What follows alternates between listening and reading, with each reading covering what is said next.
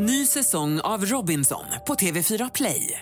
Hetta, storm, hunger. Det har hela tiden varit en kamp. Nu är det blod och tårar. Fan händer just nu. Det. är Detta är inte okej. Robinson 2024, nu fucking kör vi! Streama söndag på TV4 Play. Du lyssnar på en podcast från Expressen. Fler poddar hittar du på expressen.se podcast och på iTunes. Det här är Expressen Dokument om att toleransen för doping ökar kraftigt i Sverige. Aktuella dopingfall med stjärnenamn som Tyson Gay och Asafa Powell har kastat en mörk skugga över friidrotts-VM i Moskva. Samtidigt visar en ny undersökning som organisationen Ren Idrott tagit fram att toleransen för doping ökat under de senaste åren i Sverige.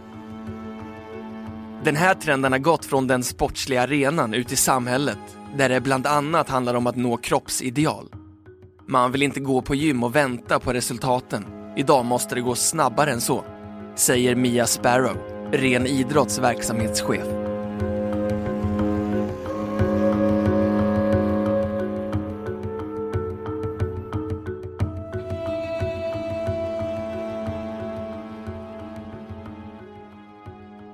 Beskedet slog ner som en bomb i idrottsvärlden i mitten av juli. Två av världens snabbaste män åkte fast för doping. Tyson Gay och Asafa Powell gick från hjältar till fuskare på bara några minuter. Avslöjandet kastade en mörk skugga över stundande friidrotts-VM i Moskva. Återigen hade idrotten drabbats av en dopingskandal. Förtroendet blir väldigt skadat för stunden Klart det blir mycket snack när stora namn börjar dopa sig. Det ökar någonstans känslan av att det är okej okay med doping, tyvärr. Som idrottsman är man en förebild och ser unga de som fuskar så får de inställningen att det är okej. Okay. Man gör likadant som sina förebilder, säger tidigare höjdhopparen Stefan Holm.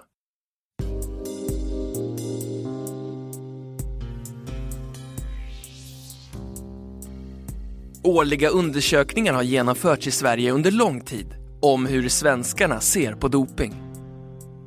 Nyligen släppte organisationen Ren Idrott tillsammans med United Minds en opinionsundersökning om barn och ungdomars attityd till doping. Enkäten riktade sig till drygt 800 icke-idrottande, idrottande och tävlande ungdomar mellan 15 och 25 år. Enligt Ren Idrotts verksamhetschef Mia Sparrow visar undersökningen alarmerande siffror. Det vi ser är väldigt skrämmande. Vi har gjort den här undersökningen sedan 2005 och vi ser en markant ökad tolerans till doping och ett ökat antal ungdomar tror inte att det är så farligt med dopingpreparat som det påstås, säger hon. Nästan hälften av ungdomarna tror inte, eller är tveksamma till, att det går att bli bäst i världen på 100 meter löpning utan att dopa sig och mer än var tionde person uppgav att de skulle ta ett piller som gjorde att de blev världsbäst, även om det innebar att de skulle dö 30 år senare. Kutte Jönsson är filosof och idrottsforskare vid Malmö högskola och ser att problematiken kring doping finns i samhället som helhet, inte bara inom idrotten. Orsaken är de höga kraven på prestation. Man kan koppla det till prestationskulturen man vill vinna, bli triggad, och skaffa sig en vinnarskalle. Målet är att prestera och vinna medaljer. Då gör man vad man kan för att slå rekorden. Tävlingskulturen backar upp det tänkande. Framförallt om man tänker eller misstänker att konkurrenterna använder de metoder som finns tillgängliga, säger han. Å andra sidan finns även kopplingar till hur samhället är uppbyggt, menar Kutte Jönsson. Alla är medskyldiga vi är publik som vill se de fantastiska resultaten.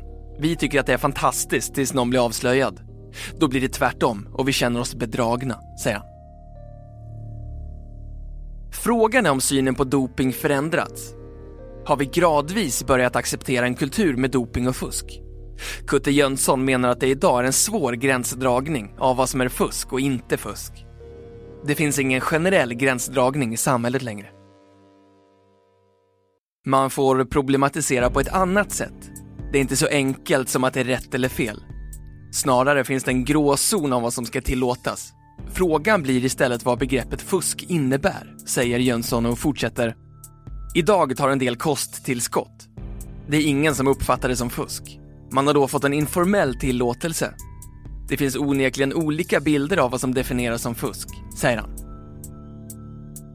Att det fuskas på andra planen inom idrotten är allmänt känt. Skolan är bara ett exempel, där eleverna tar hjälpmedel för att nå höga resultat. I våras la Stockholms universitet ner flera av sina distanskurser, bland annat för att det var för enkelt för eleverna att fuska på tentorna. Otillåtna hjälpmedel används också på salstentor, men fallen har inte ökat lika dramatiskt. Vi har haft cirka 300 ärenden per år sedan 2010 och tittar man på alla högskolor är det 0,05% av studenterna som blir anmälda för fusk. Det är relativt lite, men jag kan tänka mig att mörkertalet är stort, säger Jonas Holm, universitetsjurist vid Stockholms universitet. Kutte Jönsson, filosof och idrottsforskare vid Malmö högskola, menar att kraven på att prestera handlar om vilken person man är. Egentligen är det hela lite sorgligt. En del värderar sig själv utifrån sina prestationer och man har det som identitet. För en suverän idrottare, exempelvis, så är resultaten viktiga. Då spelar det kanske mindre roll om man dör tidigare och om man tar de otillåtna pillerna. Livet efter idrotten kanske inte är så värdefullt. Guldmedaljen eller världsrekordet, det är det som ger ett värde och en identitet, säger han.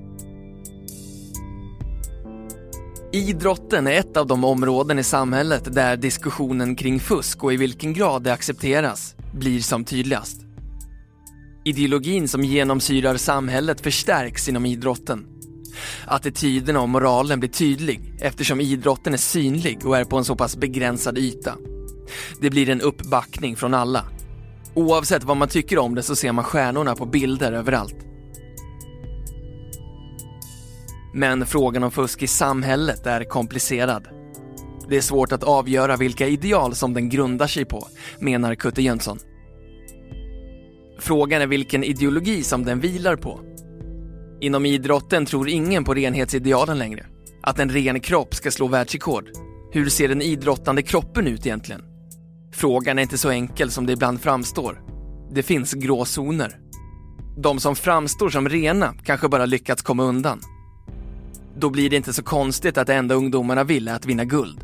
Låt oss chansa, de flesta åker ju inte fast, tänker de.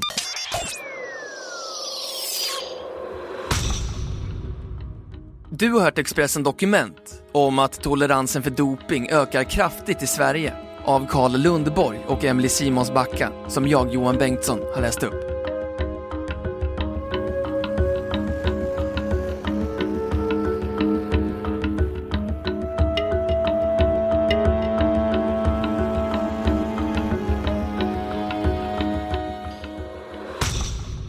Du har lyssnat på en podcast från Expressen. Ansvarig utgivare är Thomas Mattsson. Fler poddar finns på Expressen.se och på iTunes. Ny säsong av Robinson på TV4 Play. Hetta, storm, hunger. Det har hela tiden varit en kamp. Nu är det blod och tårar. Fan händer just nu. Det. är Detta är inte okej. Robinson 2024, nu fucking kör vi! Streama söndag på TV4 Play.